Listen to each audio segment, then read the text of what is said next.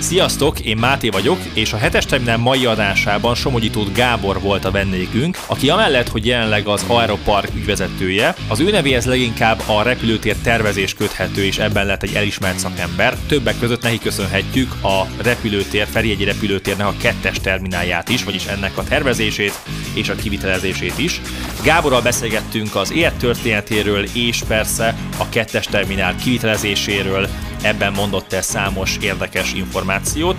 Hallgassatok meg az adást, ne feledjétek, ez itt a hetes terminál, és megkezdjük a beszállást.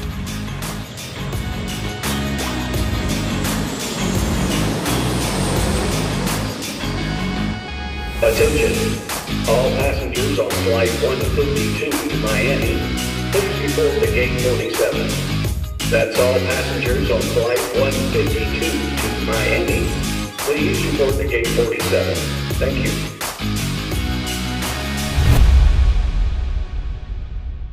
Kedves hallgatóink, mielőtt még belekezdünk a mostani adásunkba, hadd mondjam el azt, hogy Somogyítót Gáborral a beszélgetést még a 2020-as év végén rögzítettük, azonban sajnos a mi hibánknak köszönhetően csak most jutottunk hozzá, hogy ezt az adást megvágjuk és publikáljuk, de ez nem veszít az adásnak az értékéből, így remélem, reméljük, hogy nagy élvezettel fogjátok hallgatni ezt a rendkívül izgalmas beszélgetést Gáborral. Kezdjünk is bele! Üdvözlünk újra mindenkit, visszatértünk egy újabb adással és egy újabb vendéggel, ugyanis ma egy a Malév Sztorik után egy új sorozatot kezdünk el, Ferihegy Sztorik néven, és ennek kapcsán pedig egy olyan vendéget hívtunk el, akivel én személy szerint már régóta szerettem volna egy, egy adást készíteni, ugyanis az ő történetei, életpályája és eredményei nekem, nekem rendkívül inspirálóak.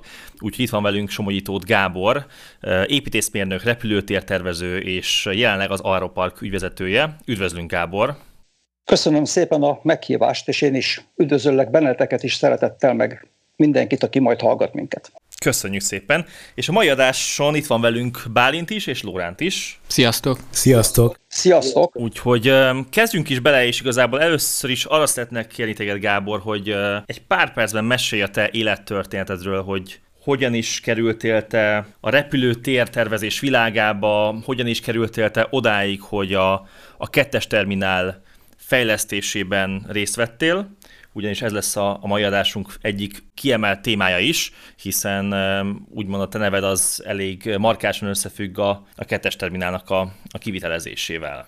Igen, a dolog jó régi, mint ahogy én is az vagyok. Ott kezdődik a dolog, hogy én 77-ben építészmérnök diplomát szereztem a műegyetemen, és a műegyetemi éveim alatt mindig volt bennem egy ilyen kettősség, hogy közlekedéstervezés vagy építésztervezés. És amikor csak lehetett, és ezt az építész szakon többször is lehetett egyébként. Én olyan tervezési feladatokat választottam, amik valahogy kapcsolódtak a közlekedéshez. Volt, amikor egy személygépkocsi szerviz központot terveztem, volt, amikor egy autópálya pihenőt, benzinkutat, stb és szerettem volna a diplomamunkának repülőteret tervezni, de hát azért az, az nem megy olyan egyszerűen, mint én gondoltam. Én ugyanis azt gondoltam, hogy kikerestem a telefonkönyvből azt, hogy az Elerinek, tehát a légi, légiforgalmi és repülőtéri igazgatóságnak, a repülőtér akkori üzemeltetőjének van-e valami műszaki vagy beruházási osztálya, és hát persze volt, és akkor én oda telefonáltam tök ismeretlenül, és megkérdeztem, hogy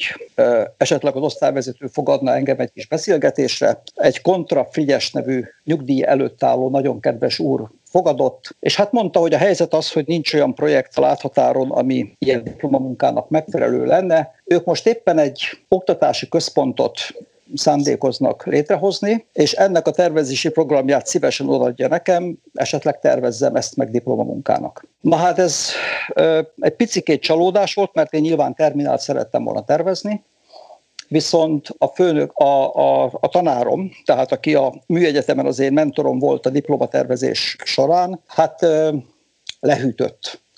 Lehűtött, azt mondta, hogy ez nem mestermunkának való feladat, egy ikerfolyósós kétszintes épület, a két folyosó között ablak nélküli mellékhelyiségek, lépcsőház, stb., és a folyosokon kívül tantermek. Szóval e, ez egy nagyon egyszerű, túl egyszerű feladat lett volna ehhez, úgyhogy akkor aztán én végül is egészen más terveztem. Viszont a dolog nem hagyott nyugodni, nagyon szerettem volna a reptéren valamit tervezni, és teljesen fantasztikus volt, amikor egyszer egy színházi előadás szünetében összeakadtam egy, egy volt tanárommal, aki egyébként angolt tanított a műegyetemen, és az angol versenyeket ő szervezte, és innen ismert engem, mert ő, én nem voltam sose az ő csoportjában, de a nyelvi versenyeket ő szervezte, és én az angol nyelvi versenyt több egymás követő évben is megnyertem, úgyhogy ö, azt mondta nekem, hogy Gábor, hol dolgozik maga? Hát mondtam, hogy a Buvátinál. Az egy városépítési és építészeti tervező irodája volt a fővárosi tanácsnak, mindenféle budapesti projektekkel foglalkoztunk. Azt mondta, hogy is nem akar esetleg a repülőtéren dolgozni. Azt én csak néztem, mint, mint nem is tudom micsoda. Azt mondja, hogy mert hogy az ő férje a repülőtéri beruházás vezetője, és, és keres egy angolul jól beszélő építészmérnököt. Na hát én másnap mentem meghallgatásra, ez 78 ö, őszén volt, ez a, fel, ez a megbeszélés, ez a felvételi beszélgetés kizárólag ezzel a bizonyos, sajnos ma már nem köztünk lévő Herter György nevű fejlesztési és beruházási főosztályvezetővel történt, akivel egymás tenyerébe csaptunk. Azt mondta, hogy most megkezdődik egyfajta háttérellenőrzés, ez annak idején három hónapig tartott, tehát nem úgy volt, hogy az ember, embert fölvették, és másnap mehetett dolgozni, hanem az embert fölvették elvileg, és akkor a, a belügyminisztérium egy három hónapos háttérellenőrzést tartott, hogy, hogy az illető mehet dolgozni a reptére. Ugyanis a reptér egy határállomás volt, és egy stratégiailag kiemelt fontosságú hely. Abszolút civil volt olyan értelemben, hogy a repülőtéren nem voltak katonák, nem volt légierő, nem voltak katonai repülőgépek, csak azért mégis egy meglehetősen érzékeny hely volt. Úgyhogy ez így kezdődött, és én belecsöppentem egy, egy nagyszerű kis csapatba, ezt úgy hívták, hogy fejlesztés előkészítő osztály, és ezen az osztályon volt összesen öt ember rajtam kívül.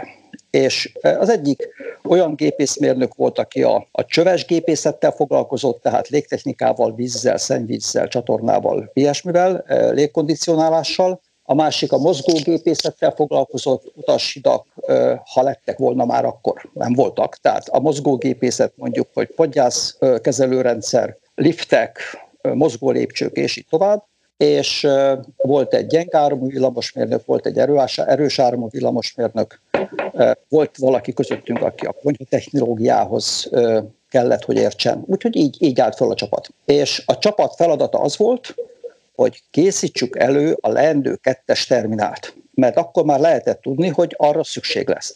Sőt, volt már egy 76-ban megszületett kormányhatározat, ami úgy szólt, hogy a Ferihegyi repülőteret kiemelt állami nagyberuházásként kell fejleszteni, és ennek a fejlesztésnek meg voltak határozva a különböző lépései. És volt egy nagy első ütem, és amikor én oda kerültem a reptére 79 legelején, akkor az első ütem javában zajlott, ami azt jelentette, az első ütem legfőbb létesítményei voltak az új fel- és leszállópálya, a hozzátartozó gurulút hálózattal, egy új irányítótorony, új hangár műszaki bázis a repülőgépek karbantartására, e, új energiaközpont, erőműközpont, egy nagy, nagyfokú infrastruktúrális ellátás. Tehát sokkal sokkal nagyobb lett a reptér, mint addig volt, sokkal több energiára volt szükség, sokkal korszerűbb el, energiaellátásra, szünetmentes ellátásokra, és így tovább. Szóval a lényeg az, hogy egy nagy, egy nagyszabású fejlesztés már folyt, mondjuk érdekesség, hogy amikor oda kerültem, akkor a kettes pályának a földmunkái zajlottak, tehát ott hatalmas gréderek nyüzsögtek és igyekeztek elhordani Ferihegyet, tehát a nagyobb pupokat lefaragták, és a mélyedéseket megföltöltötték. Na nem teljesen, mert nem tudom, hogy azt tudjátok-e például, hogy a, a kettes pálya, amiről most beszélünk, annak a két vége között egy 8 emeletnyi szintkülönbség van, 23,5 méter. És ez a mai napig is így van? Hát persze, persze. Tehát az nem, nem sík, tehát olyan értelemben nem, nem egy vízszintes sík, hanem az megadott körülmények között neki szabad lejtenie. Összességében egy teljes százalékot eshet a két végpontja között, és tekintve, hogy 3700 méter hosszú, akár 37 méter szintkülönbség is lehetne a két vége között. Uh-huh. Na, de csak 23,5 méter van, úgyhogy, úgyhogy nem kellett annyit faragni. Na minden esetre, tehát a földmunkák már folytak, az irányító torony helyén már kiásták az alapgödröt, de egyébként körülbelül 50 méterrel az alapgödörtől egy juhodály volt, és a juhász terelgette anyáját. Ez, a, ez egy érdekes dolog, de a, a juhász még akkor is ott volt, amikor már ott irányított toronynak a tetére föltették a, a gurítóradar gömbjét, aztán persze előbb-utóbb el kellett onnan mennie. Tehát lényeg az, hogy az első ütem már már épült. A hangár helyén is alapozások folytak, és akkor én a második ütembe csöppentem bele, tehát az első ütem kivitelezése zajlott, eléggé az elején járt még, de már már építési munkák folytak. A második ütem meg még sehol se tartott, csak annyit tudott róla mindenki, hogy a második ütem fő létesítménye a kettes terminál lesz. Na most Hát a kettes terminál az egy hat hallatlanul izgalmas dolog volt. Úgy képzeljétek el, hogy nagyjából senkinek se volt fogalma róla, hogy milyennek kéne lenni ennek a terminálnak, nekem se. Vagy mondhatjuk azt is, hogy nekem meg a legkevésbé. Én addigra már azért meglehetősen repülőtér őrült voltam, és nagyon-nagyon sok mindent olvastam ez ügyben, és tekintve, hogy, hogy különböző könyvtárakban, műszaki könyvtárakban akkor már jártak nemzetközi szakmai anyagok. Én elég sok ilyen fajta szakirodalmat megnéztem a műegyetemen is, a műszaki könyvtárban is, és hát aztán kiderült, hogy a reptéren is van az Elerinek egy saját nagyszerű könyvtára. És aztán ez a dolog odáig fejlődött, hogy hát azt képzeljétek el, hogy a 70-es évek legvége, a 80-as évek legelején, hogyha én valamelyik nemzetközi szaklapot kvázi megkívántam, hogy jó lenne, ha járna hozzánk, akkor Igaz, hogy egy-két hónapig eltartott, de attól kezdve járt hozzánk. Hogyha egyik ilyen szaklapban találtam egy nagyszerű szakkönyvnek a hirdetését, hogy megjelent a Haranyev újabb kiadása, vagy a Norman Ashfordnak a Airport Engineering legújabb kiadása, akkor én mentem és kértem, hogy rendeljék már ezt meg nekünk, és megrendelték. Tehát volt hajlandóság, lehetőség, sőt még devizakeret is arra, hogy mi nemzetközi szakirodalmat tanulmányozhassunk. Uh-huh. És amikor én oda kerültem, mondtam 79. januárjában, akkor éppen túl volt az Eleri egy országos építészeti tervpályázaton. Tehát 78-ban lezajlott egy tervpályázat, ahova meghívták, sőt nem is meghívásos volt, bárki, bármelyik építész jelentkezhetett rá, ráadásul úgy emlékszem, hogy talán még jelégés is volt, tehát névtelenül pályáztak a, a, a pályázók, hogy megtervezzék a kettes terminált. De hát egy óriási kudarc lett az egész, ugyanis, e, és ez nem az építészek hibája volt, hanem az elerié. Egyszerűen az eleri azt hitte, hogy majd az építészek eldöntik, hogy a terminál hány szintes legyen, az érkező és induló forgalom szintben legyen elkülönítve, vagy egymás mellett legyen elkülönítve.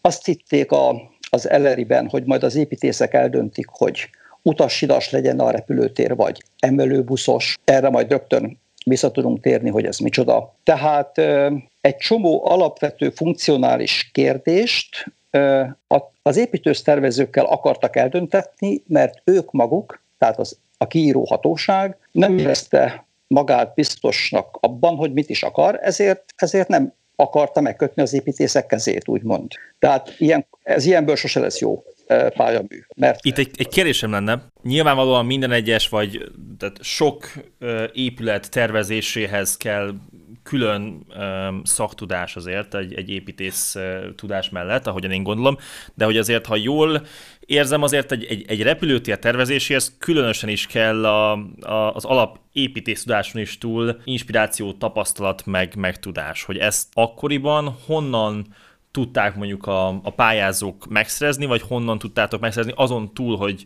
hogy meséltél, azért volt olyan szakirodalom, amit, amit tudtatok járatni, és amiből tudtatok mondjuk tanulni. Kérlek szépen, abszolút így van, ahogy mondod. Azzal a finomítással, hogy általában az építéstervező akkor tud jót tervezni, hogyha kap egy nagyon jól meghatározott, nagyon jól körülírt programot amikor megmondják neki, hogy pontosan mit akarnak. Tehát nem igazán az építésznek kell ismernie a repülőtéri technológiát, vagy a kórházi technológiát, vagy egy gyárban egy gyárat kell tervezni az építésznek, akkor az nem az építész találja ki, hogy a futószalag az keresztbe menjene vagy hosszába. Tehát a technológiát azt mindig a megrendelő szaktudása kell, hogy adja. A, a funkcionalitást, a, a, az alapvető funkcionális paramétereket, azokat a megrendelő kell, hogy adja. És ezt mulasztotta el a megrendelő a tervpályázat során. Ezért a pályaművek hát nem, nem jöttek be, nem voltak jók. Na, nem, nem építészetileg, hanem, hanem repülőtér technikailag. És akkor született az a döntés, hogy oké, okay, akkor hozzunk létre egy olyan csapatot az Elerin belül, akik kitalálják azt, hogy ennek hogy kell jól működnie, alaposan megkonzultálják a dolgot a Malév vezérkarával is, hiszen az már akkoriban úgy nagyjából látható volt, hogy a Malév számára épül az új terminál. Ugye itt tudnotok kell, hogy abban az időben, meg egyébként még évtizedekig a repülőtér forgalmának a körülbelül a feléért volt a Malév felelős, és a másik fele volt az összes többi ideg, idegen légitársaság. A Malévnak ez volt a bázisa, innen repült mindenhova és ide jött vissza. Az idegeneknek meg valahol máshol volt a bázisuk, csak Ferihegye jött, repültek, majd visszafordultak és hazarepültek. Tehát ez, ez, ez így működött akkor is, meg most is tulajdonképpen így működik. És a Malév igényei, a Malév flottája, a Malév menetrendje az abszolút mértékadó volt ebben a tervezésben. Tehát nagyon fontos volt. Úgyhogy létrejött, mint mondtam, ezek is fejlesztés előkészítő osztályának, ez volt a neve, és nekünk az volt a dolgunk, hogy próbáljuk meg kitalálni, hogy igazából milyen is legyen ez az új leendő terminál. És a milyen alatt ne építészetre gondoljatok, hanem arra, hogy mekkora legyen a kapacitása, milyen utas kiszolgálási technológiát ö, alkalmazzon, milyen repülőgép kiszolgálási technológiát burkoljon épülettel, vagy épületközeli és épülettávoli állóhelyekkel, ö, stb. stb. Tehát a, ahhoz, hogy készülhessen egy jó építész tervezési program. És akkor, akkor ebben a helyzetben ez a viszonylag kis csapat, ez az 5-6 ember, ez egyrészt mondom abban a helyzetben volt, hogy hát mondjuk rajtam kívül eleve ott voltak már évek óta. Tehát, tehát azért a repülőteret nagyon jól ismerték. Másrészt járhatott bármilyen szakirodalom nekünk, amiket bújtunk vadul, és nagy lelkesedéssel. Harmadrészt konzultálhattunk külföldi kollégákkal, konzulenst fogadhattunk föl olyan repülőtérről, mint mondjuk a frankfurti repülőtér, ahonnan egy bizonyos Günther Asendorf nevű egyébként szintén építészmérnök a, a Master Planning osztálynak volt a vezetője a frankfurti reptéren. Tehát e, ilyen emberekkel mi rendszeresen konzultálhattunk, és e, járhattunk oda hozzájuk, ők meg jártak hozzánk, és kialakult egyfajta tudásbázis, ami olyan outputot, olyan konkrét eredményeket hozott, hogy mondjuk tudjon a repülőtéri új terminál első üteme, mert majd legyen persze később a jövőben fejleszthető további egységekkel, de az első üteme tudjon két millió utast évente. Oké, okay, ez már nagyjából benne volt a, a kormány által eldöntött fejlesztési célban is. Viszont az, hogy egy épület tud két millió utast évente, az egy teljesen dilettáns megfogalmazás tervezési szempontból, mert abszolút nem mindegy, hogy naponta 24 órán keresztül folyamatos az igény és a forgalmi terhelés, vagy pedig van három csúcs a nap folyamán. És, és mind a kettő tud összességében két millió utas produkálni egy évben, csak nyilvánvaló, hogy teljesen más kapacitásigényt jelent fizikailag megvalósítani. Na jó, hát akkor az volt a következő kérdés, hogy oké, okay, mi legyen az óra kapacitás ennek a terminálnak? Mit tudjon egy óra alatt ez a terminál kiszolgálni? És hát erre sajnos nem volt semmiféle mérés. Nem voltak olyan adatok, hogy a Ferihegyi forgalom csúcsórájában az elmúlt tíz évben évi bontásban hogy fejlődött a forgalom. Ilyen adatok nem voltak. Elkezdtük ezt mérni. Viszont szerencsére a szakirodalom is, meg a konzulenseink is azt mondták, hogy oké, okay, de azért vannak nagyon jó ökölszabályok, és ilyen körülbelül két és tíz millió közötti forgalmú repülőtereken azt mondja a tankönyv, hogy a, az éves forgalom, forgalomnak a fél ezreléke legyen mértékadó egy óra forgalomra. Tehát az nem is a csúcsóra, de mondjuk a mértékadó óra forgalma. Az éves forgalom fél ezreléke, ami azt jelenti, hogyha két milliós kapacitású terminált vár tőlünk el a haza, a közlekedési kormányzat, akkor az tudjon óránként ezer utast kezelni. És az ezer utas, igen. A kérdés az, hogy, hogy ezt hogyan lehet kiszámítani, meghatározni az, hogy miként tud egy terminál kezelni mondjuk ezer utast óránként. A, mi, tehát a check-in számával, biztonsági ö, átvilágításnak a folyamával, tehát hogy ezek számítanak bele, vagy van még más olyan, olyan mértékegység, amivel ezt lehet mérni? Kérlek szépen, a, minden terminálnak ö, kétfajta kapacitás, kapacitás dimenziója létezik. Az egyiket úgy hívják, hogy statikus kapacitás, a másikat úgy, hogy dinamikus kapacitás. Vagy ahogy a nemzetközi szakirodalom hívja, a, az egyiket úgy hívják, hogy processzor, a másikat úgy, hogy rezervoár. A processzor az olyasmi, amiből valahány darab van, és ahol valami történik az utassal. Tehát például egy check-in pult az egy processzor. De egy gét is egy processzor, vagy egy podgyászkiadó szallag az érkezési oldalon is egy processzor. És akkor vannak a rezervoárok, azok pedig olyan terek, ahol az emberek úgy vannak. Azoknak a, a mértékegysége nem utas per óra, hanem négyzetméter per utas. És akkor ott pedig azt kell megvizsgálni, hogy mennyi ideig tartózkodik ott az utas, mekkora térre van szüksége, mert egészen más térigénye van egy utasnak, amikor éppen sorba áll, és egészen más akkor, amikor várakozik a tranzitban, hogy majd, majd szólítják az ő járatát a, a, a beszállításhoz. Tehát ezeknek a különböző keresztmetszeteknek, ezeknek a kapacitását mind külön-külön méretezni kell. És erre is van, hála Istennek, abszolút gondos és alapos és szakszerű, úgymond tankönyv, vagy nem tankönyv, mert ebből nem tanulni szoktak, hanem alkalmazzák. Tehát olyan kézikönyvek, elsősorban a nemzetközi repülési szervezetek adnak ilyen kézikönyveket, az ICAO is, meg a JATA is, most tehát nagyon magyarosan mondtam, tehát ICAO és IATA, ezek, ezek adnak ki ilyen kézikönyveket, ezeket időn, időről időre frissítik, hogy a korszerű hát változásokat kövessék. Lényeg az, hogy ezeknek a különböző keresztmetszeteknek az elvárható kapacitás adatait mi ismertük. Tehát tudtuk azt, hogyha, hogyha óránként ezer utast kell tudnunk kezelni, akkor ahhoz hány check tartozik, vagy hány biztonsági ellenőrző csatorna. Mert ezeknek megint van egy saját kapacitásuk. Azt néztük, hogy körülbelül egy check-in pult egy percet vesz igénybe, egy uszkve másfél percet vett igénybe akkor egy check-in eljárás, egy check-in folyamat. Ma már egész másképp zajlik, tehát ez, ez 80-as évek legele, amiről beszélek. És ebből a, az egész rendszerből kialakult egy ilyen kapacitás piramis. Tehát lehetett pontosan tudni, hogy, hogy hány check-in pultra lesz szükség, hány útlevélkezelő fülkére lesz szükség, hány biztonsági ellenőrző csatornára lesz szükség, hány gétre, beszállító gétre lesz szükség, hány épület közeli állóhelyre lesz szükség, hány épület távoli állóhelyre lesz szükség, és így tovább. Tehát ezek, és most csak az induló sort mondtam el, az érkező sort most nem mondtam el, de ugyanígy végig lehet azt is venni.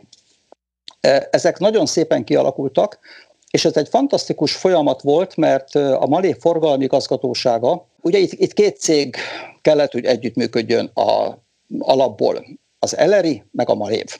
Ahhoz, hogy létrejön egy jó szinopszis, egy jó tervezési program, amit aztán majd a, a tervezők körzőnyílásba vesznek és, és papírra.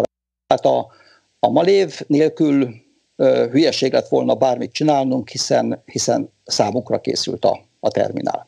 És a Malév forgalmi igazgatósága is Lubickolt ebben a helyzetben, mert, mert egyfajta eufórikus két-három év telt el. Ők nyelveket beszélő, világot járó emberek voltak. Értették a szakmájukat. Legtöbbjüknek ez volt az első és egyben a utolsó hát alkalmazott állása is, mert, mert ezek ebbe, ebbe születtek bele ezek az emberek, és ezt, ezt értették, és ezt csinálták nagyszerűen.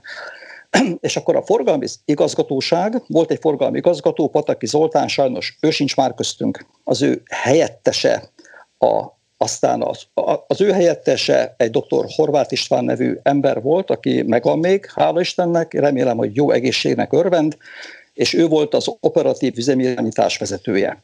Volt utasforgalmi osztály. Voltak az utasforgalmi osztályon olyan csoportvezetők, jegyeladás, jegykezelés, elveszett podgyász ügyintézés, és így tovább, és így tovább volt, vagy hat csoport. Ezek mind pontosan tudták, hogy ők miért szeretnének. És ez óriási segítség volt nekünk, mert mert az, hogy egy elveszett podgyász ügyintézéshez hogy kell kialakítani az, azt a pultot, ahol az utas majd megjelenik, hogy nem jött meg a podgyásza. Tehát a podgyász kiadó tér felé néző oldala. A másik oldali pult, amit már akkor keres majd meg az utas, ha kapott egy telefont, hogy megjött a podgyásza, lehet érte jönni. Az pedig már az érkezési csarnok felé nézett. A kettő között volt a raktár, de a raktárban egyfajta vámkezelésnek is meg kellett történnie. Szóval ez egy, ezek nagyon összetett folyamatok voltak, amiket jól kellett tudni épülettel burkolni, és ahhoz, hogy ez jól burkolódjon épülettel, ahhoz az kellett, hogy a, a Malév adott szakterületei a kezdet kezdetétől a legnagyobb lelkesedéssel egyfajta ilyen flow, flow folyamatban voltak velünk együtt, és nem tudtak olyat kitalálni vagy kérni, mert, mert hogy szerették volna ő is, ők is a lehető legjobbat, amit mire teljesítettünk volna. Mert, mert nem volt egy olyan kényszer, hogy na hát azt, azt már nem, hogy is nem, még mit nem. Szóval nem, itt az volt, hogy most csináljunk valami nagyszerűt. Úgyhogy Úgyhogy kialakult például az, hogy legyen 20 check-in pult. Itt egy korábbi adásban elhangzott, hogy összesen 12 check-in pult volt, és az édes kevés volt. Akkoriban nem lett volna egyébként annyira kevés a 12, mert ezzel a 20 check-in pulttal sok-sok évig működött a malév, de hát 20 volt, nem 12.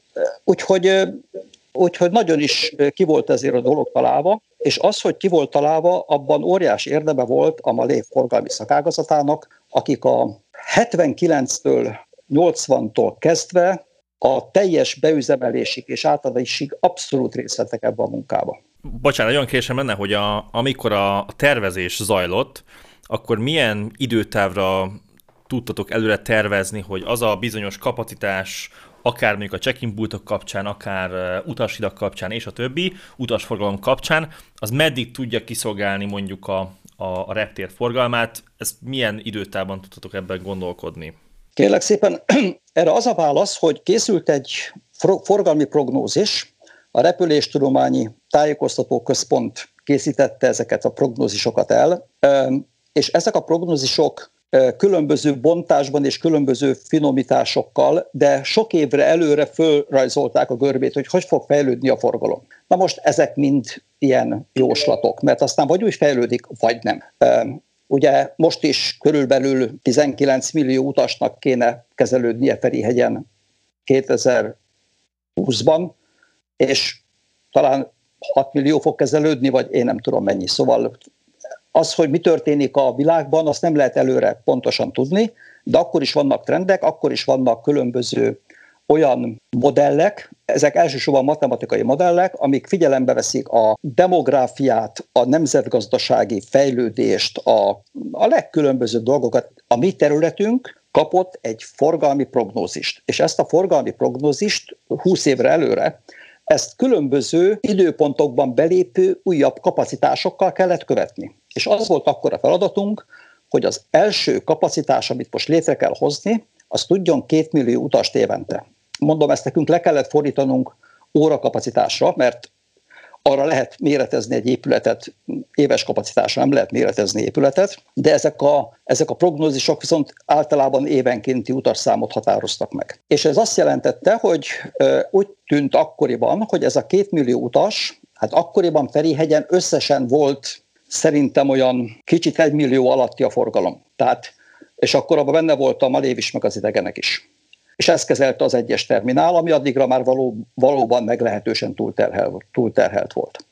És amikor belépett a kettes terminál egy kétmilliós kapacitással, akkor hirtelen hát gyakorlatilag háromszorosa lett a kapacitás a korábbinak, az addiginak, és az idegenek ott maradtak az egyes terminálon, és ott kétszer annyi helyük lett hirtelen, mint eddig volt, és a Malév kiköltözött a kettes terminálba, ahol rengeteg helyük lett ahhoz képest, amennyi addig volt, és hát megint csak hivatkozok egy korábbi adásotokban elhangzottakra, hogy, hogy az első naptól kezdve az zsúfolt volt, még körülbelül 15 évig egyáltalán nem volt zsúfolt. Tehát a, a Maléva kettes terminált használta, hát gyakorlatilag a, kettő, a 2B az megépült 98-ban, és a 2B-be került ki az egyes terminál az összes idegen, és akkor az egyes bezártuk. De a 2B-be nem volt malév, ott csak idegenek voltak 98-ban. És akkor fejlődött tovább a forgalom, és az, hogy a, a kettes terminál ne lett volna elég a malévnek, és az át kellett volna, hogy türemkedjen a 2B felé valamelyest, az csak tényleg a, a 2000-es években kezdődött valamelyest el, és hát ugye 2012-ig volt egyáltalán malév.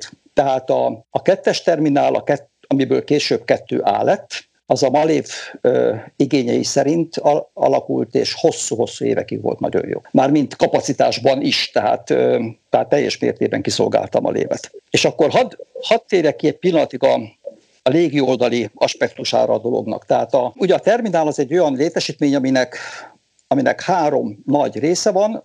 Van maga a terminálépület, ami egy ilyen utazási módváltó gépezet, ott lesz a földi utasból légi utas, meg a légi utasból földi utas. Van egy földi interfész, meg van egy légi interfész. Az egyik oldalon ugye vannak a buszok, a taxik, a személyautók, jó esetben a vonatok, és így tovább. A másik oldalon meg vannak a repülők. A repülő oldalon épület közeli állóhelyekkel terveztünk, és épület távoli állóhelyekkel terveztünk. Az épület közeli állóhely elegáns, nagyon jó kiszolgálás biztosít, viszont korlátozott számban áll rendelkezésre. Hogyha van hat épület közeli állóhely, akkor az hat darab, és nem hét vagy nyolc. Ezért van egy sor épület távoli állóhely, ami lényegesen olcsóbb létrehozni, sokkal nagyobb flexibilitást is biztosít, olyan értelemben, hogy ott szinte mindegy, hogy melyik állóhelyre milyen repülőgép parkol, és ott akár napokig is fekhet egy repülőgép, hogyha nincs dolga, vagy járata, vagy, vagy akármi miatt ott akarják tartani. Míg az épület közeli állóhelyeken az volt a jó, hogy ott forgás van. Tehát, hogyha az egyik gép végez és elmegy, akkor a másik gép beállhat, beállhasson majd a helyére. Tehát ott nagyon is nem volt alkalmas az, hogy mondjuk hosszú órákon keresztül, vagy akár napokon keresztül egy repülőgép egy állóhelyet foglaljon. És az épület közeli állóhelyeknél, és megint csak teljesen konkrétan téves információ hangzott el a múltkor erről, tehát volt hat darab épület közeli állóhely, és a koncepció a következő volt. Olyan repülőtér nincs a világon, hogy épület közeli állóhelyek utashiddal felszerelve minden géptípust mindegyik állóhely ki tudjon szolgálni. Ugyanis olyan óriási méretbeli különbségek vannak a repülőgépek között, és olyan óriási magasságbeli különbség van egy DC-9-es vagy egy 737-es padlószintje és mondjuk egy 747-es padlószintje között, az egyik 1,60 körül van, a másik meg 5,40, és a főfedélzetről beszélek az 5,40-nel, nem a pupról. Tehát elképesztő a magasságbeli különbség, hogy ezt utasidakkal áthidalni nem lehet, illetve hát rettenetesen hosszú utasidak kellenének hozzá, hogy a utasidak lejtési viszonyait a gyalog, a, abban gyalogló utasok baleset nélkül hát követni tudják. Tehát lényeg az, hogy a világ összes repülőterén megnézik azt a bizonyos fleet mixet, tehát azt a repülőgép típus keveréket, amit ki kell szolgálni, és eldöntik, hogy melyik épületközi álló, állóhely tudjon milyen típust fogadni. És a mi koncepciónk az volt, hogy a Malév alapgép típusa abban az időben a 154-es volt. Jártak még az IL-18-asok, de már elsősorban árut szállítottak, sőt azt hiszem, hogy akkorra már éppen csak árut. Jártak a 34-esek, de abból kevesebb volt, és jártak az 54-esek. És 54-es volt a nagyobb, a korszerűbb, a tehát mindenképpen az volt az alap, alapgépe a Malévnek. Ezért azt úgy döntöttünk, hogy mind a hat tudja fogadni a, az 54-est. Ez volt az első premissza. A második premissza az volt, hogy oké, okay, de a négy belső az tudjon kisebbet is fogadni, és ez alatt 234-est, 737-est, DC-9-est, és így tovább. Akkoriban voltak olyan gépek, amik ma már sajnos nincsenek, a Trident, a BAC, Van Eleven, a Caravelle, a stb. stb. Szóval ezeket a négy belső híd tudta fogadni az 54-eseken kívül, és a két szélső híd pedig tudott széles törzsű gépeket fogadni. Nem egy, kettő. A 41-es meg a 46-os.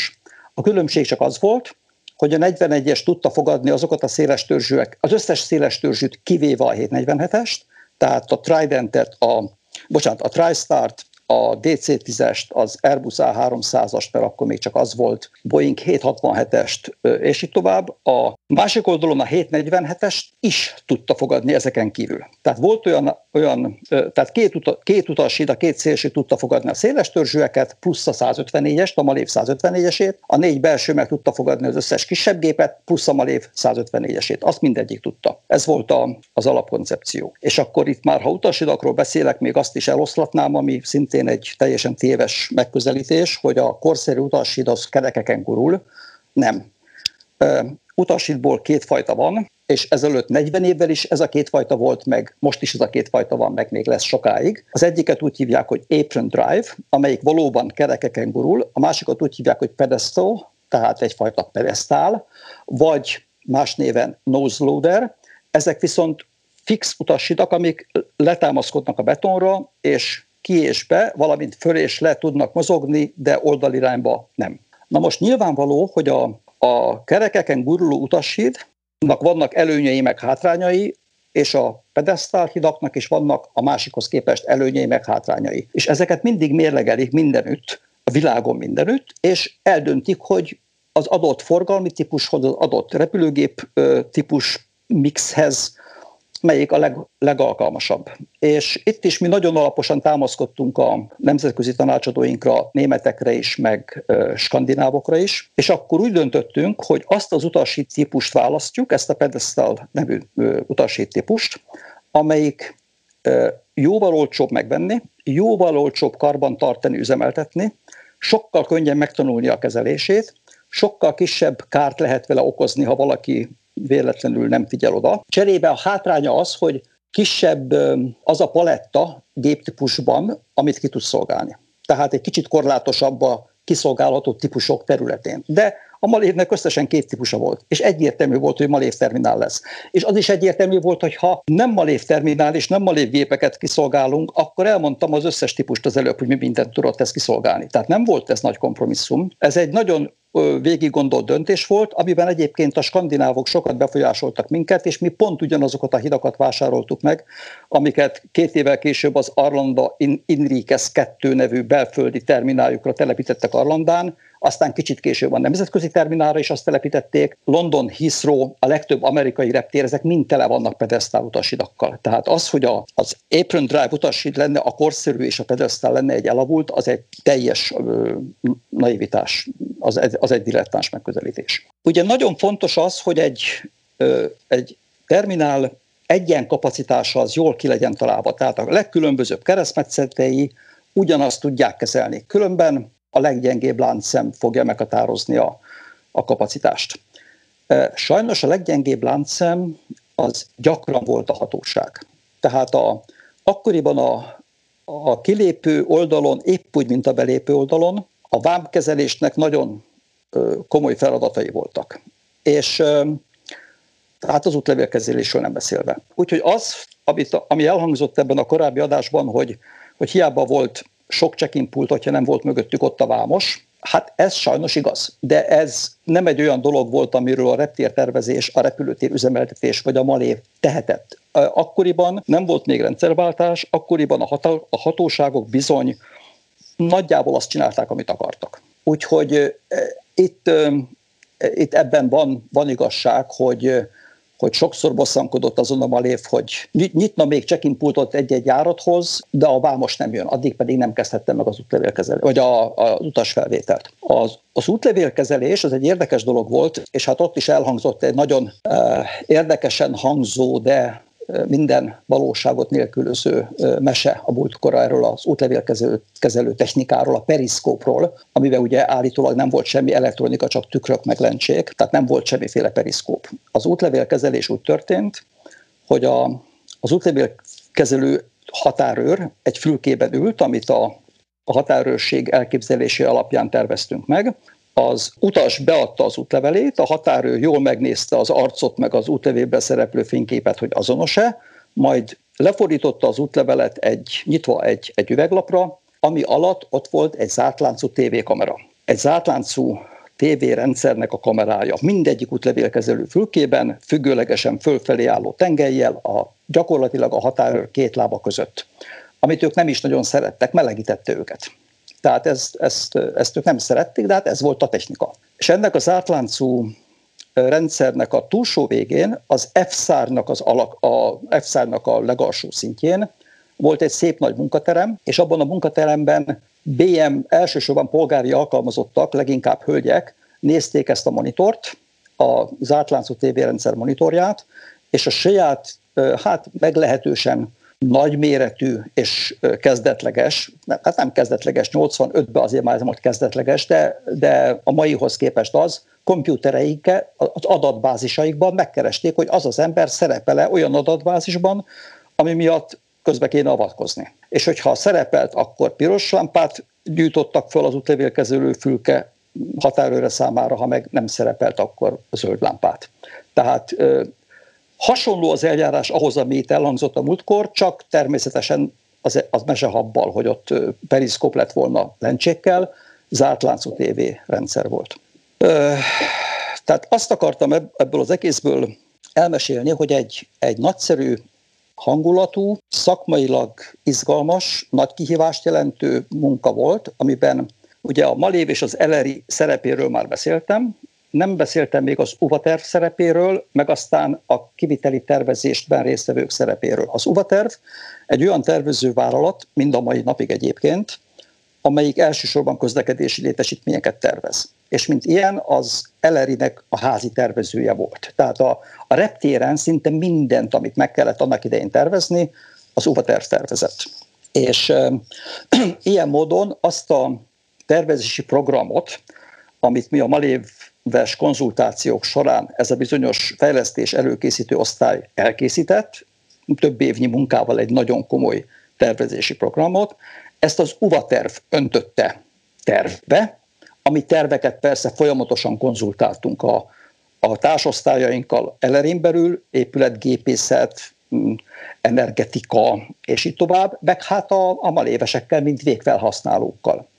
És amikor, amikor ezek a tervek az engedélyezési szintre elkészültek, és megkapták az építési engedélyt, akkor lett kiírva egy nagy nemzetközi tender, ahol a magyar fél kereste azt a kivitelezőt a nemzetközi piacról, aki megépíti ezt a terminált. Tulajdonképpen az UVA terv tervei alapján, ami terveket az UVA terv a mi tervezési programunk és a mi instrukcióink alapján készített, de az még csak egy engedély, egy engedélyezési tervszintű dolog volt, százas lépték, nem voltak részletek kidolgozva, és így tovább. És akkor ez egy nagy nemzetközi tender volt, németek, svédek, franciák, angolok, osztrákok pályáztak leginkább, és végül is egy osztrákok vezette, de meglehetősen nemzetközi konzorcium nyerte meg ezt a feladatot. És ez a feladat, ez tulajdonképpen két feladatból állt. Egyrészt el kellett készítenie a kiviteli terveket ennek a csapatnak, ennek a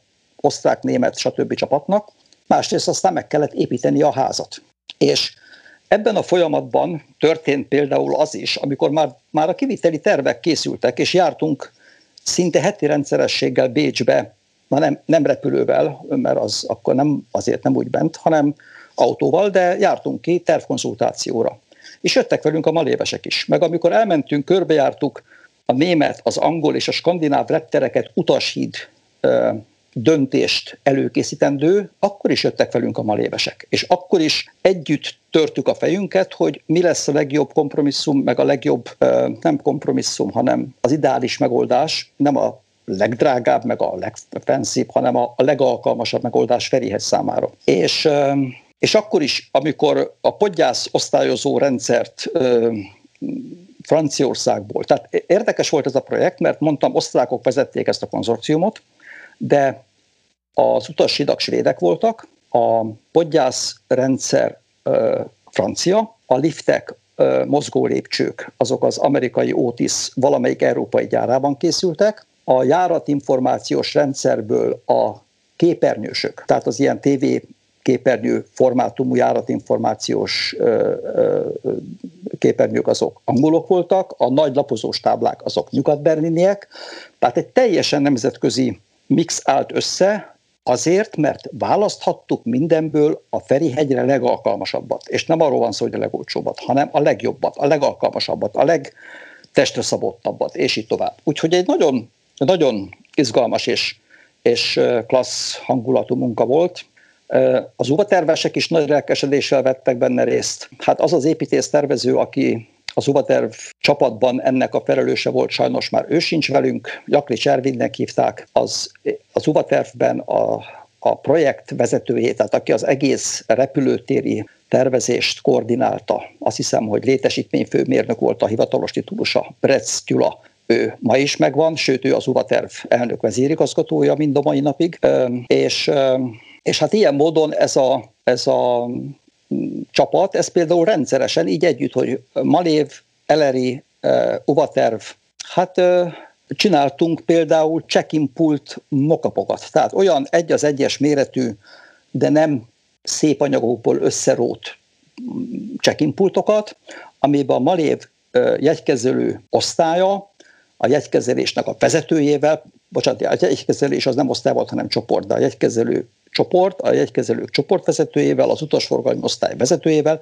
beült, és megnézte, hogy a könyök elfére, megnézte, hogy elérje jól azt a gombot, amiben majd továbbítja a podgyászt a mérlegelő szalagtagról a címkéző szalagtagra. Elférnek-e jól abban a sok kis ilyen fakban a podgyász címkék, meg a beszállítókártyák, és így tovább. Tehát ezek, ezek ilyen abszolút részleteiben voltak megtervezve, és amikor a, a, odahozták azt a komputert, ami a Gabriel nem, az a DC, odahozták a DCS komputerhálózatnak az elemét, ami, amiben a jegykezelő fölvette az utast az adott járatra, és akkor azt körülrajzoltuk, azt a komputert, és úgy vágták ki a check-in pulton azt a vízszintes felületet, amelyikre az utas fölkönyökölhetett és föltette a jegyét, hogy a check-in hogy, a, hogy ez a bizonyos komputer ott szépen oda, abba a kivágásba pontosan beférjen. És ezek ilyen, ilyen klassz műhely munka jellegű alkotási folyamatokat jelentettek. Mindenre. Tehát a, a forgalmi rodára, ahol a load meg a balance chart készült, tehát a, rep, a repülőgépeknek a terhelési adatai, a, a tax-free boltokra, az érkező tax-free boltra, a, a úgynevezett Sky Shopra, ami egy tulajdonképpen egy olyan háttérintézmény volt, ahol összekészítették azokat a konténereket, ilyen kéteringes trolliknak képen ki, amelyikben az adott járatra föltették a járaton árulandó parfümöt, viszkit, órát, mit tudom én micsodát, cigarettát. Szóval ezeknek mind ö, volt gazdája a Malévnél, mindegyiknek volt gazdája a mi csapatunkban, ö, meg a meg a Zovatervnél, meg ennél a bizonyos konzorciumnál, ott, ott is mondanék egy nevet, egy bizonyos Brigitte Pintár volt az az építész, egy hölgy egyébként, aki a kiviteli tervnek fazont adott, aki, aki elénk, elénk állt egy, egy olyan anyagi színkoncepcióval, hatalmas tablókat hoztak kamionban, ahol föl volt téve a nagy ilyen gipsz, nem is gipszkarton volt az, hanem rétegelt lemez tablókra, a kilincs, a villanykapcsoló, a telefon, a falra telefon, a, a föl volt oda szépen kasírozva a falburkolat, a padlóburkolat, kiválasztottuk azt, hogy milyen legyen az a gránit, úgy hívták, hogy Serizo Antigórió, ami a padlót burkolta az összes nyilvános tér, terekben a, a kettes terminálon. Ugyanígy kiválasztottuk azt a falburkolatot, amit úgy hívtak, hogy Boticino Fiorito, ez egy szürke, világos szürke, majdnem fehér márvány, egyébként karrából jön, csak nem pont abból a tömbből, amit a szobrászok használnak, mert ez egy, ez egy tarkább, tehát több benne a szürke felhős árnyalat, mint, mint a fehérekben. Tehát fantasztikus időszak volt ez. A legszebb anyagokból a legjobb, a legkorszerűbb megoldásokat hozhattuk létre.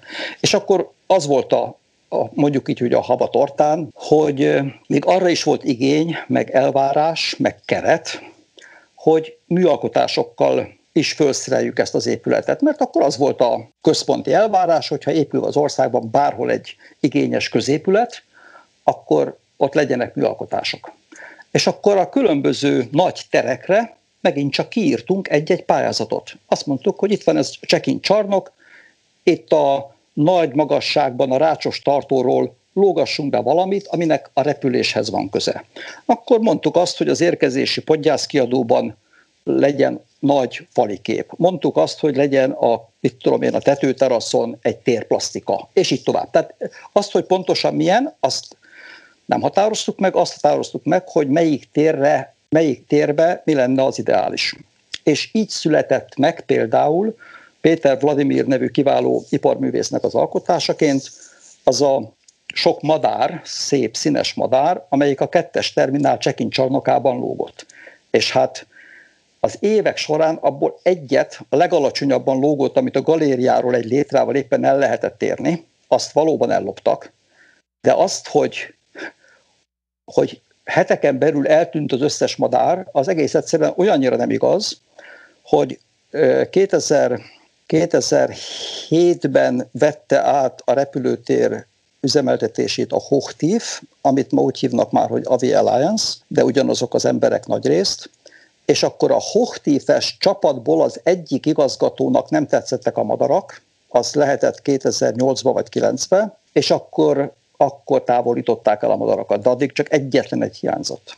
És ezeket a madarakat, amik, amit akkor leszettek, ezeket ezen az elmúlt nyáron átadta a Budapest Airport a közlekedési múzeumnak. Tehát annyira nem lopták el őket, hogy a közlekedési múzeumban vannak. Egy, egynek sajnos valóban lába élt, de egyetlen egynek.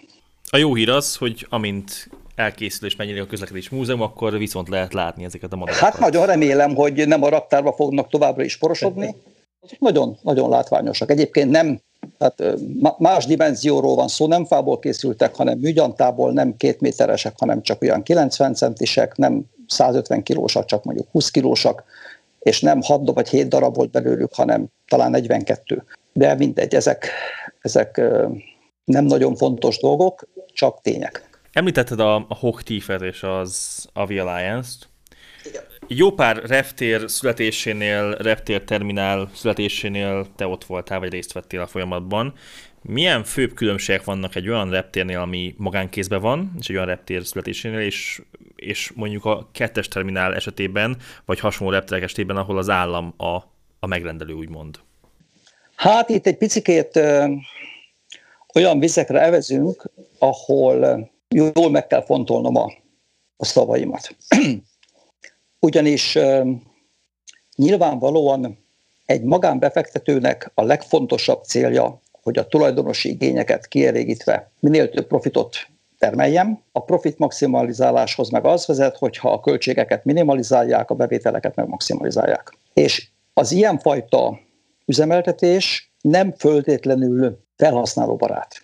Tehát visszaidézek egy beszélgetést, amikor az a Budapest Airport, ugye volt Eleri, az Eleri 2001 végén szűnt meg, és 2002. január 1-ével vált ketté Hungarokontrollra és Budapest Airport RT-re. Addig ez egy, egy kézben volt a repülőtérüzemeltetés meg a légiforgalmi irányítás.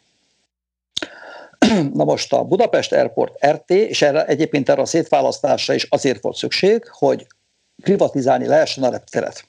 Az volt akkor a, az állami koncepció, hogy az állam nem jó gazda, a repülőtereket jó dolog privatizálni, mert akkor lesz befektetői pénz, meg, meg minden ilyesmi. Na most nem vitás, hogy ezt a privatizációt, ami egyébként 2005-ben történt meg, a privatizációt megelőző 15-20 évben Európában nagy divattá, divatja volt a repülőterek privatizációjának. Egy csomó repteret privatizáltak, elsősorban egyébként, és eleinte első, szóval Angliába kezdték, Ugye volt ott egy British Airports Authority nevű nagy cég, állami cég, amelyik működtette a sok angol reptér közül hetet. Tehát nem az összeset, hetet. De a hétben benne volt a három nagy londoni, Heathrow, Gatwick és Stansted, és ezen kívül még Skóciában működtettek három vagy négy repteret. És akkor ezt privatizálták először, elég nagy izgalom volt, mert addig ez, addig ez nem volt szokás és lett belőle a BAA LTD. A BAA az gyakorlatilag a British Airports Authority rövidítése volt, csak attól kezdve már nem volt ez egy authority, nem volt egy hatóság, nem volt egy állami szervezet, hanem egy, magán, egy tőzsdei magáncég. Tehát bárki vehet BAA részvényt és akkor ebből, hogy, hogy úgy mondjam, divat lett. Tehát egy, egy csomó repteret privatizáltak Európában, sokkal inkább egyébként, mint Amerikában. Amerika azért egy más tészta, tehát nehéz almát a körtével összehasonlítani, mert Amerikában az volt mindig is a felállás, hogy maga a reptér, mint infrastruktúra az állami, de a terminál épület az az adott légitársaságé, és az adott légitársaság bérelte azt a területet, ahol terminált épített, és az adott légitársaság bérelt föl építésztervezőt, meg kivitelezőt, hogy építsenek olyan terminált, amilyet szeretne. Tehát a, ilyen értelemben a, és a, és a légitárságok meg privát cégek voltak természetesen, tehát ilyen értelemben nem teljesen igaz, amit mondtam, hogy amerikai reptereket nem privatizáltak. A reptér üzemeltetőt nem privatizáltak annak idején, meg még sokáig nem nagyon. Terminálok azok privát kézbe voltak. Na most ez az európai folyamat, ez elvezetett odáig, hogy 2005-ben a Budapest Airport részvénytársaság részvényeinek többségét is eladták, méghozzá ennek a bizonyos BA-jének. És ameddig még volt Eleri, addig az utolsó másfél évben én voltam az Eleri első számú vezetője tehát a megbízott vezérigazgatója az Elerinek, mert az előző vezérigazgató Erdei Tamás, aki most halt meg egy pár hete, és egy fantasztikus ember volt.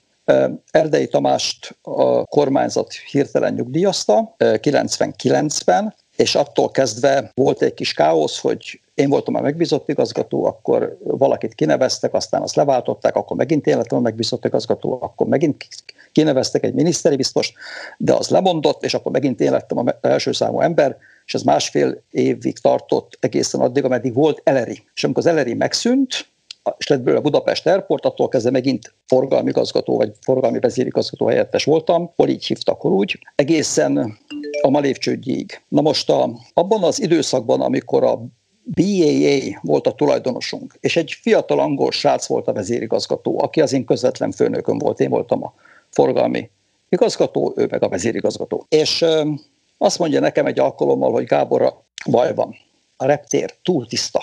És mondom, hogy micsoda Stuart, hát, hát ezért dolgozunk. Hát nekünk ez baromi sokba kerül, túl tiszta. Hát mondom, oké, okay, de van egy nemzetközi utas mérési rendszer, sokba kerül egyébként, tehát azért mi sokat fizettünk, hogy mi abba bekerüljünk. A BAA forszírozta, hogy kerüljünk bele, legyünk legyünk kitéve egy nemzetközi összehasonlításnak, legyen egy nemzetközi benchmark a Budapest Airport teljesítménye mögött, vagy mellett, vagy előtt, tehát legyünk összehasonlíthatóak. És ebben 36 témát vizsgáltak az utas elégedettség mérési űrlapokon, elég nagy rendszerességgel és elég nagy reprezentatív mintákkal, és ezek közül talán 12 vonatkozott a valamilyen formában a tisztaságra. Tehát úgy általában a reptér tisztasága, aztán azon belül a terminálépületek tisztasága, aztán azon belül a, toj, a, tehát a WC csoportok tisztasága, nem, ez a, ez a három volt tisztasággal kapcsolatos, viszont a forgalmi területeknek a működésének a minőségét, és hozzá egyfajta önstönző rendszer, tehát egyfajta bónuszrendszert is kapcsoltak ahhoz, hogy mi ott ne süllyedhessünk a négyes szint alá, de lehetőleg tartsuk az ötöst, mert mindig ötösök voltunk ebből. Ötös volt a legjobb, egyes a legrosszabb, mint az iskolában. Azt mondta, hogy ez, azt mondta, hogy ez nagyon drága. És akkor az volt egy görbét, ami görbe nagyon érdekes volt, egy ilyen hiperbola-szerű görbe volt, ami úgy aszimptotikusan közelítette a a vízszintes tengelyt, az X-tengelyt, és azt mondta, hogy van itt egy vonal, amit nem szabad átlépnünk lefelé, mondjuk piszkosságban, mert ha azt átlépjük, akkor üzletet veszíthetünk. Akkor előfordulhat, hogy lesz olyan légitársaság vagy olyan utas, aki úgy dönt, hogy azért fog máshonnan repülni, vagy máshova üzemelni, mert olyan koszos Ferihegy. Azt mondta, hogy ezt nem engedhetjük meg magunknak. Semmi, semmi körülmények között. De minden egyes fokozat e fölött pénzkidobás. Mert viszont nincs az a tisztaság, ami meggyőzni egy utast, hogy én azért nem Bécsből repülök, vagy azért nem Prágából, mert annyira tiszta Ferihegy, hogy én, én Ferihegyről akarok repülni. De most ez egy olyan paradigmaváltás volt, egy olyan sok volt számomra, mert ugye az, az azt megelőző évtizedekben, én akkor már 15 éve voltam talán az eleri forgalmi igazgatója, mi arra voltunk kondicionálva, hogy a lehető legjobbat nyújtsuk az utasnak. És baromi tiszta legyen mindig minden, mert az egy nagyon fontos, gyakorlatilag az ország névjegye, ahogy belép egy utas hozzánk, legyen kristálytiszta. És az is volt, tehát fantasztikusan tiszta volt a reptér. De ez túl drága volt a privatizált körülmények között. Aztán ugyanezzel a fickóval, ugyanezzel a egyébként rendkívül tehetséges, nagyon penge fiatalemberrel, aki azóta volt a Stansteadi reptérnek is vezérigazgatója, és ha jól tudom, még mindig a Gatwicki reptérigazgatója, tavaly még biztos, hogy az volt. Tehát ez, ennek, a, ennek az embernek Stuartnak hívják, beszélgettünk arról, hogy terminálfejlesztés, milyen legyen majd az új terminál. És, és én elmondtam, hogy én miért szeretnék. És azt mondta, hogy oké, okay, meséljek, majd soroljak föl néhány olyan repteret, amit én nagyszerűnek tartok, gyönyörűnek, tökéletesnek, kiválónak. És akkor elkezdtem őket sorolni. És akkor egyre kajánabbul vigyorgott, majd azt mondta negyedik, ötödik reptér után, hogy most Gábor állj meg egy persze, és ezek közül melyik van privát kézben? Elgondolkoztam, és azt kellett, azt kellett, hogy mondjam, hogy egyik se. Szóval itt van egy konfliktus. itt van egy olyan fajta konfliktus, hogy mondjuk Dohában vagy Dubajban nem számít, hogy mennyibe kerül a terminál takarítása, mert presztis kérdés. Nem számít, hogy a maga a légitársaság gyakorlatilag és ténylegesen nyereséges vagy veszteséges, mert annyi pénze van az államnak, és ezek állami légitársaságok, amennyit akarnak. Tehát, tehát ez, ez nem volt szempont. Az volt a szempont, hogy a minőséggel legyenek nem hogy versenyképesek, hanem mindenfajta verseny fölött állóak. Tehát a, nem vitás, hogy ezek a öbölmenti légitársaságok, meg részben néhány távol-keleti, Singapore Airlines, stb., most nem akarok sorolni, ezek nem a, az igazi piaci körülmények között versenyeztek, hanem a minőséggel olyat produkáltak, ami, ami egyszerűen teljesen más volt, mint az európai légitárságok. És az európai légitárságok küzdködnek, most ne erről az covidos évről beszéljünk, hanem egyáltalán az elmúlt mondjuk tíz évről. Tehát küzdködnek, és egyre fapodosabb megoldásokhoz kell, hogy folyamodjanak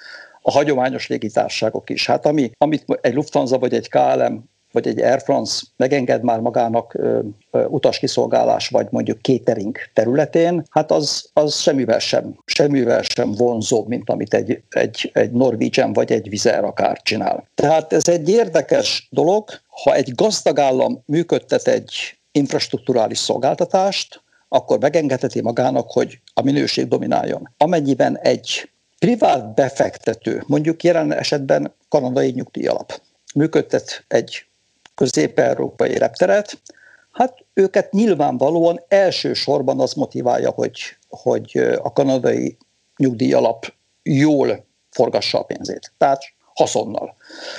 Na most természetesen nem állítom, hogy csak ez motiválja őket. Nyilvánvaló a Budapest Airport jelenlegi menedzsmentje, és most megint nem a covidos évekről beszélek, jó szántékkal jó szolgáltatást akar nyújtani Ferihegyen, többek között azért is, mert, mert azért a verseny megvan. Tehát valamelyest, valamelyest monopól helyzetben van egy-egy országnak a főreptele, de csak valamelyest. Például Nyugat-Magyarország elég nagy részéről Bécs nincs messze, mint Ferihegy és Bécs adott esetben jobb menetrendi paraméterekkel, tehát több járattal, jobb destinációkkal tud szolgálni, meg esetleg jobb árakkal is. Tehát abszolút van verseny. Még Prágával is van verseny, meg, meg lehet verseny még Varsóval is. Tehát azért van egyfajta versenyhelyzet, és nyilvánvaló, hogy ebben, ebben nem szabad lemaradnia egy repülőtérnek, hát különösen nem, hogyha, hogyha privát kézben van, és a profit nagyon számít. Úgyhogy ez egy, ez egy olyan kérdéskör, ami, amire nagyon nehéz egyértelmű választ adni, de teljesen egyértelmű, hogy ahol a pénz nem számít, csak a minőség a fontos, mondjuk Katarban, akkor ott a minőség fantasztikus lesz. Nyilvánvalóan, és nagyon, nagyon jót mondtál ezzel, mert ami ugye tapasztalható, hogy akár Budapesten is, hogy látszott, látszott az elmúlt években is, hogy fontos volt az, hogy a reptérnek legyen egy jó megjelenése és egy jó utasélmény, de amikor már jött, tehát hogy voltak olyan bizonyos kritikák egyes elemekkel kapcsolatban a reptéren, ami, ami úgymond már talán nem fért bele az adott fejlesztésekbe, viszont még nem tántorította az utasokat attól, hogy Budapestről vagy Budapestre repüljenek. Aztán, amikor már ezek már túl kardinálisá váltak, akkor azért megtörténtek a fejlesztések vagy a kijavítások. Na most ugye azt a, hogy, Buda, hogy a reptér túl tiszta, és minden egy bizonyos oda fölötti tisztaság már már pénzkidobás az ablakon, ezt a BAA management mondta. Azt követte a Hochtief management, akik távolról sem voltak ennyire, hát ennyire durván kapitalisták, vagy nem tudom, hogy mondjam, hogy tényleg csak a, a, a, annyira odafigyeljenek arra, hogy minél kevesebbet költsünk. De például, és ez is egy reflexió most egy korábbi adásban elhangzott állításra, a pálmák, a gyönyörű beltéri növényzet, ami a kettes terminált jellemezte, e, és hozzátenném, hogy például az érkezési podgyászkiadóban, ami, aminek nincs ablaka, az egy teljesen ablaktalan helység bent az épület közepén, az alsó szinten, ott rengeteg gyönyörű szobanövény volt, és fölöttük egy olyan speciális lámpa, én ezt a fogalmat akkor tanultam meg, és nem is tudtam addig, hogy létezik ilyen. Úgy hívták, mert ugye ezt osztrákok hozták, ezért németül tanulta meg a nevét, hogy Pfanzwuchsleuchte, ami azt jelenti, hogy növény növesztő lámpa. És ezek olyan ö, színhőmérsékletűek és, és fényhullám hosszúak voltak, hogy pótolták a természetes fényt. És ezek a növények élvezték, és gyönyörűen növekedtek. Na, de nem azt akartam mondani, hanem azt, hogy gyönyörű nagy pálmák voltak a csekkincsalon, és rengeteg szobanövény volt, és egy volt egy nagyszerű csapat, a kertészet, akik ezeket ápolták, ha kellett pótolták, ha kellett fejlesztették, és így tovább, és így tovább. És akkor eljött egy pillanat, amikor a Hochtief volt már a, a tulajdonos, amikor azt mondta az akkori vezérigazgató, hogy uh, szabadulj meg a szobanövényektől azok fölöslegesek. Elveszik a helyet, és pénzbe kerülnek. Folyamatosan költeni kell rájuk, öntözni kell őket, átültetni kell őket. Amelyik nem szép, azt ki kell rakni, és pótolni kell őket. Ez egy fölösleges költségelem. És akkor nekünk fájó szívvel meg kellett szabadulnunk a pálmáktól, és különböző kerületi iskolákat, meg szociális otthont, meg ilyeneket kerestünk meg, hogy nekik adok, ajándékozzuk ezeket a növényeket. Nem is volt tőlük fizikailag sem könnyű megszabadulni, mert óriásiak voltak. De ezt is csak azért mondom, mert az is elhangzott egy korábbi adásban, hogy napokon belül ki kellett dobni az összes növényt, mert nem fértek el a, az utasok. Ez, ez egészen 2007-ig vagy 8-ig nem volt probléma. Hát az a helyzet, hogy elképesztően sok izgalmas történet mesélti nekünk, és még nagyon jól lehet hallgatni téged, és szerintem a hallgatóknak is, viszont uh, így is nagyon szép uh, hosszú lett ez az adásunk, úgyhogy, uh, úgyhogy muszáj lezárnunk most. Természetesen. Azt javasoljuk, hogy aki szeretne még többet megtudni a, a kettes terminálról, az mindenképpen keresse fel az Aeropartnak a YouTube csatornáját, ahol egy elképesztően jó videó összefoglaló van erről, egy 26 perces videó, ahol még több mindent meg lehet tudni. És Gábor, még szeretnénk téged visszaívni majd egy következő adásra, ugyanis nem csak a kettes terminál kapcsán szeretnénk majd, té- majd hallani történeteket, hanem a további életpályát kapcsán is, ugyanis számos más reptérnek a megszületésében is részt vettél, és erre is nagyon kíváncsiak lennénk, de nagyon szépen köszönjük neked, hogy, hogy elmesélted a te szemszögedből a kettes terminálnak a megszületését, és hogy elmondtad a te álláspontodat egyes állítások kapcsán. Szerintem ez nagyon jó lesz majd jó pár hallgatónak is, úgyhogy tényleg köszönjük szépen, hogy, hogy elfogadtad a meghívásunkat, és hogy meséltél nekünk erről az időszakról, amit mi sajnos nem érhettünk meg, de legalább így mi is hallhattunk erről a történetről. Hát én köszönöm az érdeklődést és a meghívást, és természetesen, hogyha máskor is kíváncsiak vagytok a a történeteimre, akkor máskor is állok szívesen rendelkezésre. Nagyon szépen köszönjük.